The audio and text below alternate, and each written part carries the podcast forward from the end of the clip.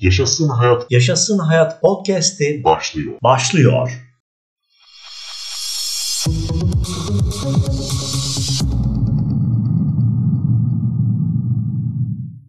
Bayanlar ve baylar, Yaşasın Hayat podcast'imizde sağlık haberleri kısmında birlikteyiz. Selamlar, sevgiler. Aktif bir yaşamın vücudunuza sağladığı faydaları zaten biliyorsunuz değil mi? Ancak beyne olan artılarını da unutmayın sevgili arkadaşlarım. PLOS ONE dergisinde çıkan yeni bir araştırmaya göre antrenman yapmak insanın ruh halini düzeltiyor. Essex Üniversitesi öğretim görevlisi ve çalışmanın ortak yazarı olan Dr. Gillian Sandrum, orta seviye fiziksel aktivite yapan insanların daha mutlu olduklarını bulduk diyor. Ayrıca insanlar normalden daha aktif olmaya başladıklarında daha mutlu olduklarını da söylüyorlar. Sonuçlar hem katılımcıların yorumları hem de ivme ölçer verileri tarafından teyit edildi.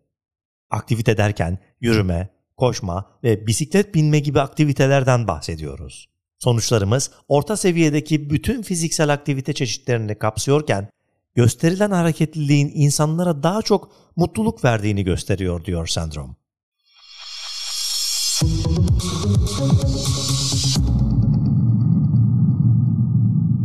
Daha iyi bir antrenman çıkarıp sakatlanma riskini düşürmek mi istiyorsunuz?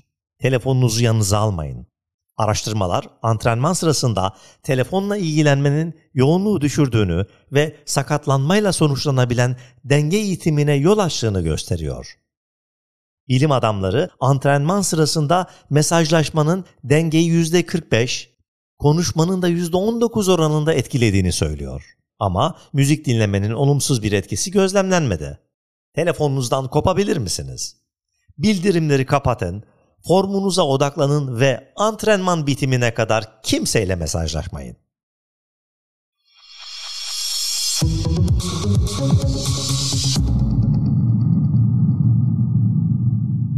Güne başlamanın en iyi yolu sabahları ayakta duramıyor musunuz? Kahvaltı edin sevgili arkadaşlarım.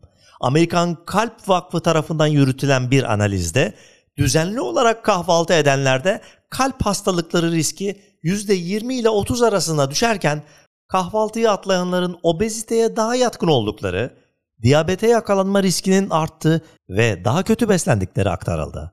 Sağlıklı bir kahvaltı alışkanlığı sadece glikoz entoleransını düşürmekle kalmıyor, aynı zamanda günün geri kalanında daha sağlıklı yemenizi sağlıyor.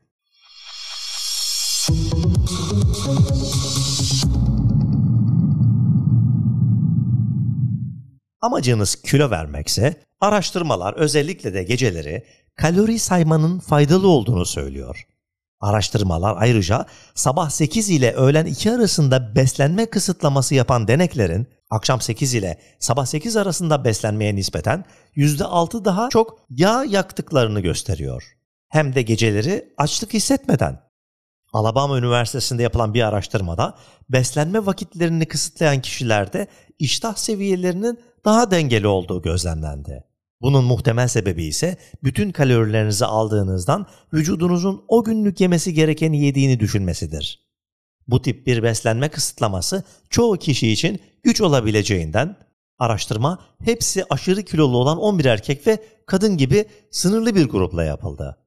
Ve bu tip bir beslenme kısıtlaması çoğu kişi için güç olacağından şimdilik kalorilerinizin çoğunu günün erken saatlerinde alıp akşam saatlerini hafif geçirerek başlayabilirsiniz.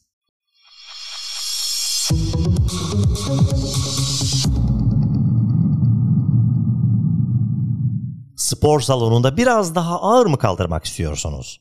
Alt vücudunuzu çalıştırmadan önce bir fincan kahve fena olmayacak gibi. Journal of Strength Condition Research dergisinde çıkan bir araştırmada kafeinsiz kahve ile 5 mg anhidrit kafein içen deneklerin plasebo tek başına anhidrit kafein veya kafeinsiz kahve içtikleri zamana göre squat egzersizlerinde daha ağır kaldırabildikleri görüldü.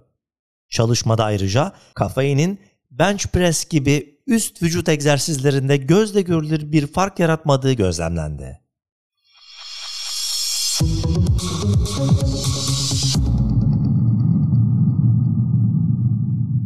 Amerikan Ulusal Deniz ve Atmosfer İdaresi'nden alınan verilere göre 2015 yılında Amerikalılar ortalama 7 kilogram balık ve deniz kabuklusu tüketti.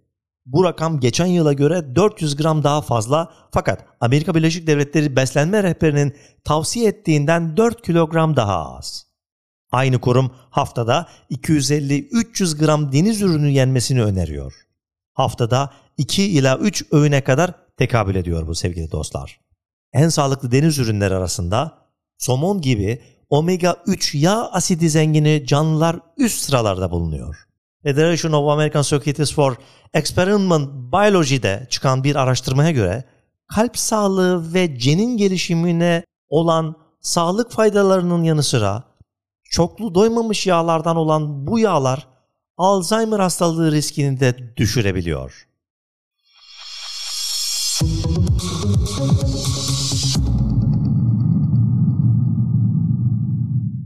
Yediklerinin çoğunun veya bir kısmının organik olduğunu söyleyen Amerikalıların oranı onda 4.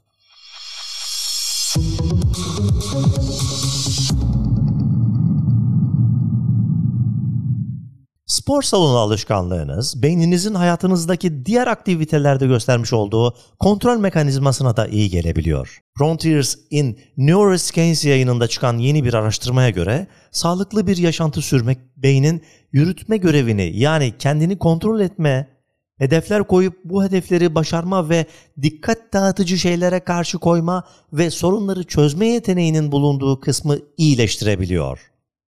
Bilim adamları İngiliz dikey yaşlanma çalışmasına katılan 4555 yetişkinden toplanan verileri analiz ettiler. Sonuç olarak ise nüfus ve sağlık özellikleri gibi etmenler hesaba katıldığında dahi egzersiz ve beynin yürütme işlevinin yakından bağlantılı oldukları sonucuna vardılar. Yürütme işlevi zayıf çalışanların buna bağlı olarak zihinsel yürütme işlevi zayıf çalışanların buna bağlı olarak fiziksel aktivitelere daha az katıldıklarına işaret ederken spor veya benzer fiziksel aktivitelerle uğraşanların beyinlerindeki yürütme işlevinin zamanla daha iyi gittiğini gözlemlediler. Fiziksel aktivite ve yürütme işlevi birlikte çalışarak olumlu geri dönüşümler veriyor.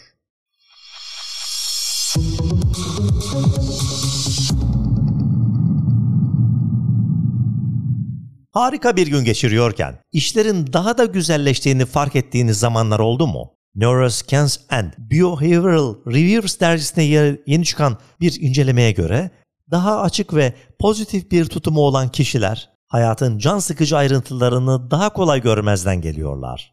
Ühend Üniversitesi'nde yapılan bir araştırmada pozitif bir hali stresi azaltabiliyor. Çünkü vücudun stresi olan tepkisini azaltarak düzenliyor. Ne kadar mutlu hissederseniz o kadar az stres yaşarsınız ki bu da uzun vadede sağlığınıza olumlu katkılar sağlıyor.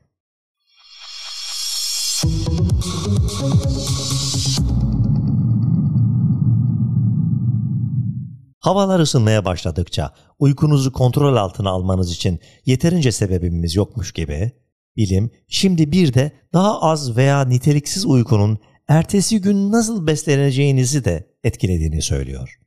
European Journal Clinical Nutrition dergisinde çıkan bir analize göre uyku kısıtlaması ertesi gün daha çok kalori alınmasına neden olabiliyor. Amsterdam Üniversitesi'nde yapılan bir çalışmada ortalama olarak uyku yoksunluğu yaşayanların gün başında 356 kalori daha fazla kalori tükettiklerini gördük diyorlar. Ayrıca Japonya'da Tsukuba Üniversitesi tarafından yayınlanan başka bir çalışmada ise yeterli miktarda REM uykusu alınamadığında beynin daha çok tatlı yeme isteğinin tetiklediği kısmın aktivite olduğunu söylüyor. Sonuç mu? Beslenme düzeninizi bozmamak için yatağa daha erken girin.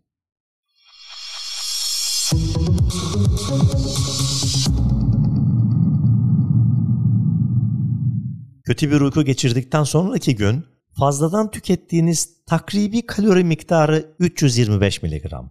Evet sevgili arkadaşlarım bugün de bir podcast'imizin sonuna geldik. Başka bir sağlıklı haberler podcast'imizde Yaşasın Hayatta görüşmek üzere. Sevgiyle kalın, sağlıcakla kalın. Hoşça kalın.